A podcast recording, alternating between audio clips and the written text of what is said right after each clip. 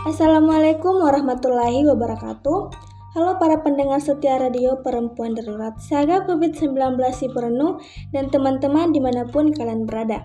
Senang sekali rasanya saya Vivin hadir kembali menemani para pendengar setia si Perenu FM dalam acara Agurung SMA.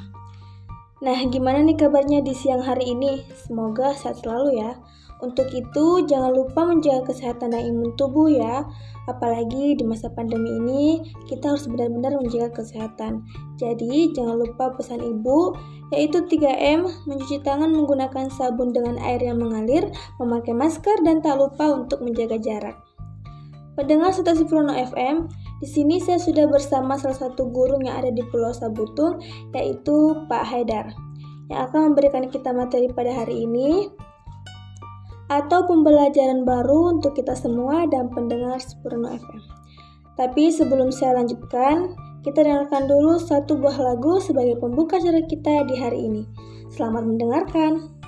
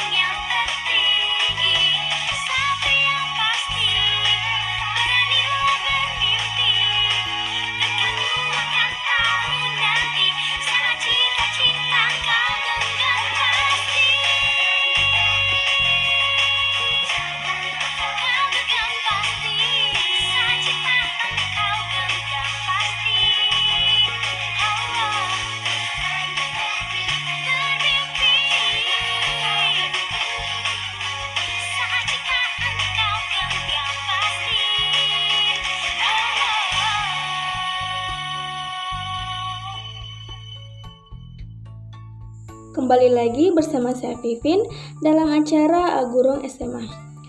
Halo, Assalamualaikum Pak. Waalaikumsalam. Gimana nih kabarnya hari ini Pak? Uh, ya, kabarnya hari ini Alhamdulillah sehat. Ya, Alhamdulillah kalau begitu Pak. Ya. Jadi hari ini materi apa yang akan Bapak berikan kepada adik-adik yang ada di rumah nih Pak? Nah, jadi materi yang hari ini yang saya bawakan yaitu untuk mata pelajaran kimia materinya adalah sifat koligatif untuk kelas 12 pada semester ganjil. Baik, untuk teman-teman agar bisa fokus mendengarkan dan menyiapkan segala keperluan belajarnya, sebelum itu saya menyampaikan kembali kepada pendengar stasiun Prono FM untuk tetap mengikuti protokol kesehatan ya. Baik, untuk itu silahkan diberikan pelajarannya Pak untuk adik-adik yang ada di rumah. Oh iya, eh, terima kasih. Assalamualaikum warahmatullahi wabarakatuh. Eh, Nana sekalian, para pendengar radio Siparan FM. Baiklah pada kesempatan ini saya akan membawakan materi yaitu sifat koligatif yang dipelajari di kelas 12 untuk semester ganjil. Adapun tujuan yang ingin dicapai nantinya setelah mengikuti materi ini yang pertama yaitu mengetahui dan menjelaskan pengertian sifat koligatif larutan, jenis koligatif larutan. Kemudian yang kedua yaitu nantinya dapat menghitung konsentrasi larutan yaitu molaritas, molalitas, dan fraksi mol. Sifat koligatif larutan merupakan sifat yang tidak mempunyai ketergantungan pada jenis zat terlarut, namun memiliki sifat bergantung pada banyaknya partikel zat yang terlarut di dalam larutan. Artinya, sifat koligatif hanya ditentukan atau dipengaruhi oleh jumlah partikel zat terlarut. Seperti yang kita ketahui, secara bersama bahwa titik didih air sebesar 100 derajat Celcius dan titik beku air yaitu 0 derajat Celcius. Tetapi apabila di dalam air tersebut dilarutkan suatu zat yang sukar menguap, maka titik didih dan titik beku mengalami perubahan, yaitu naik atau turun. Manfaat dan contoh dari sifat koligatif dalam kehidupan yaitu penyulingan minyak bumi, pembuatan gula, membuat campuran pembeku dan anti beku, kemudian penambahan garam saat memasak. Kemudian koligatif larutan dibedakan menjadi dua jenis, yaitu larutan elektrolit dan non elektrolit. Dikarenakan zat yang terlarut di dalam larutan elektrolit bertambah jumlahnya karena terurai menjadi ion-ion. Sedangkan zat yang terlarut dalam larutan non-elektrolit jumlahnya akan tetap sebab zat tersebut tidak terurai menjadi ion-ion. Maka dapat disimpulkan sifat koligatif larutan non-elektrolit lebih rendah daripada larutan elektrolit. Sifat koligatif larutan elektrolit yaitu sifat fisik dari larutan elektrolit yang tergantung pada jumlah zat terlarut terlepas dari zat-zat terlarut. Kemudian zat terlarut yang ada dalam larutan elektrolit adalah atom, molekul atau ion yang kehilangan atau memperoleh elektron untuk menjadi konduktif secara elektrik. Ketika elektrolit dilarutkan dalam pelarut seperti air, elektrolit akan terpisah menjadi ion atau spesies konduktif lainnya. Oleh karena itu, melarutkan satu mol elektrolit atau satu mol elektrolit selalu menghasilkan dua mol atau lebih spesifik konduktif. Oleh karena itu sifat koligatif dari elektrolit sangat berubah ketika elektrolit dilarutkan dalam pelarut. Kemudian sifat koligatif non elektrolit adalah sifat fisik larutan non elektrolitik yang bergantung pada jumlah zat terlarut terlepas dari zat-zat terlarut. Non-elektrolit adalah zat yang tidak menghasilkan larutan konduktif ketika dilarutkan dalam pelarut. Misalnya, gula adalah non-elektrolit karena ketika gula dilarutkan dalam air, ia ada dalam bentuk molekul, tidak terdisosiasi menjadi ion. Molekul gula ini tidak mampu melakukan arus listrik melalui larutan. Jumlah zat terlarut yang ada dalam larutan non-elektrolitik lebih sedikit dibandingkan dengan larutan elektrolit. Oleh karena itu, efek elektrolit pada sifat koligatif juga sangat rendah. Misalnya, tingkat penurunan tekanan uap dan menambahkan NaCl lebih tinggi dibandingkan dengan penambahan gula ke larutan yang serupa. Secara garis besar, perbedaan sifat koligatif elektrolit dan elektrolit yaitu dalam larutan, sifat koligatif dari elektrolit adalah sifat fisik yang larutan elektrolit yang bergantung pada jumlah zat terlarut terlepas dari sifat zat terlarut. Kemudian untuk non elektrolit, sifat fisik dari larutan non elektrolit yang tergantung pada jumlah zat terlarut terlepas dari sifat zat terlarut. Kemudian efek pada sifat koligatif, efek elektrolit pada sifat koligatif sangat tinggi dibandingkan dengan non elektrolit. Kemudian efek non elektrolit pada sifat koligatif sangat rendah dibandingkan dengan elektrolit. Baik, pendengar setia Superno jangan ke mana-mana ya, tetap stay di Superno FM. Kami akan kembali setelah lagu berikut.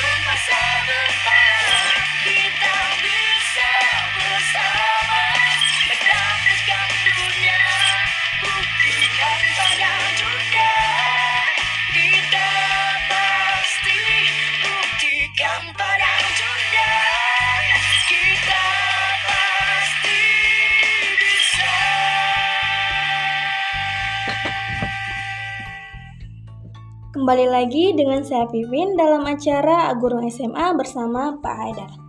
Baik Pak, silahkan dilanjutkan materinya. Barangkali ada sesuatu yang disampaikan. Oh, ya.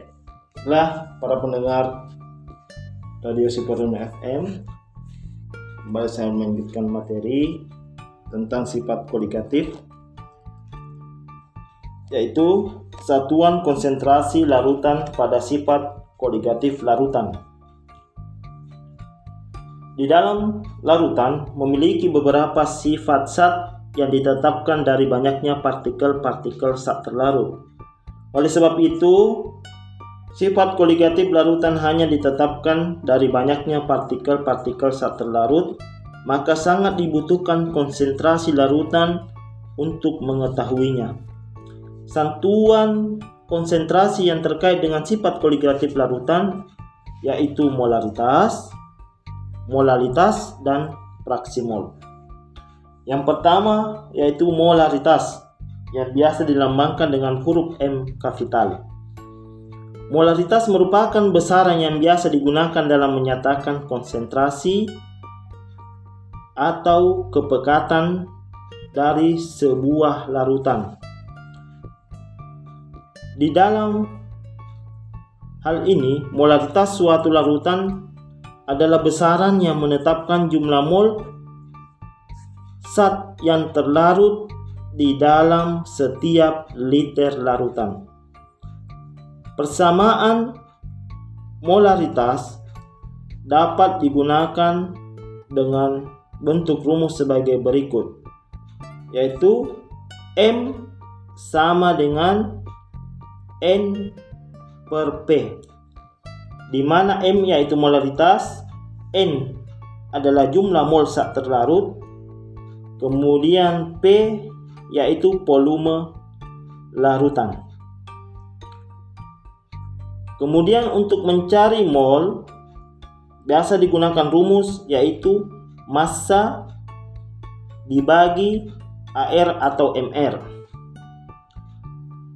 Sebagai contoh, Hitunglah konsentrasi larutan yang dibuat dari 2 gram kristal NaOH yang dilarutkan ke dalam air hingga volumenya sama dengan 500 ml. Yang diketahui MR NaOH sama dengan 40 gram per mol. Dari soal, itu diketahui massa sama dengan 2 gram, volume larutan 500 ml atau sama dengan 0,5 liter. Kemudian MR NaOH sama dengan 40 gram per mol. Yang ditanyakan dari soal yaitu molaritas. Nah, bahwa rumusnya molaritas sama dengan mol dibagi volume. Untuk soal ini, pertama yang kita cari itu adalah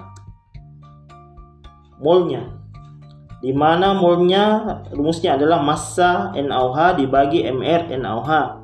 Didapatkan persamaan 2 gram dibagi 40 gram per mol. Didapatlah mol sama dengan 0,05 mol. Kemudian rumus mencari molaritas mol dibagi volume yaitu 0,05 mol dibagi dengan 0,5 liter sama dengan 0,1 mol per liter. Itulah molaritasnya. Jadi konsentrasi larutan yang dibuat dari 2 gram kristal NaOH yang dilarutkan ke dalam air hingga volumenya 500 ml adalah 0,1 mol per liter. Kemudian konsentrasi yang kedua yaitu molalitas. Untuk molalitas atau kemolalan yaitu jumlah mol yang terdapat dalam 1 kg atau 1000 gram pelarut. Molalitas diartikan dengan persamaan berikut. M sama dengan mol dikali 1000 per P. Yaitu mana P di sini adalah massa zat pelarut dalam satuan gram. Contohnya, Hitunglah molalitas larutan yang terjadi apabila 24 gram kristal MgSO4 dilarutkan ke dalam 400 gram air jika diketahui MrMgSO4 sama dengan 120 gram per mol. Jadi dari soal itu diketahui bahwa massa saat terlarut MgSO4 sama dengan 24 gram. Kemudian massanya yaitu massa pelarut sama dengan 400 gram. Kemudian MR Mg SO4 sama dengan 120 gram per mol. Yang ditanyakan adalah molalitas.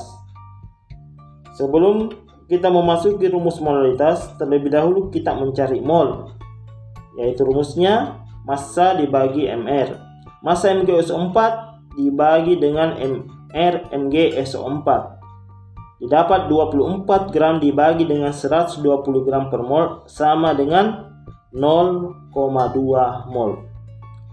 Kemudian kita memasukkan dalam rumus molalitas yaitu mol dikali 1000 dibagi massa pelarut. 0,2 dikali 1000 dibagi dengan 400 yaitu didapat 0 molal. Itulah uh, pembelajaran kita pada hari ini. Semoga bermanfaat untuk anak-anak sekalian, para pendengar radio Sukarelu. Demikian, sekian. Wassalamualaikum warahmatullahi wabarakatuh. Ya, Waalaikumsalam warahmatullahi wabarakatuh. Baiklah teman-teman dan pendengar stasiun FM, itulah tadi materi yang dibawakan oleh Pak Haidar untuk kita semua. Semoga apa yang disampaikan oleh Pak Haidar bisa kita pahami. Terima kasih Pak atas ya, kehadiran dan pembelajaran hari ini. Semoga kita bisa bertemu kembali dalam acara yang sama. Pendengar Stasi Purna FM dan teman-teman, sebelum saya akhiri perjumpaan kita pada hari ini, saya mengingatkan kembali untuk tetap mengikuti protokol kesehatan dengan mencuci tangan menggunakan sabun dan air yang mengalir, memakai masker, dan tak lupa untuk menjaga jarak. Atas nama Radio Siprano FM, memohon maaf apabila ada kesalahan dalam bertutur kata. Saya Pipin, pamit undur diri dari ruang dengar Anda. Assalamualaikum warahmatullahi wabarakatuh.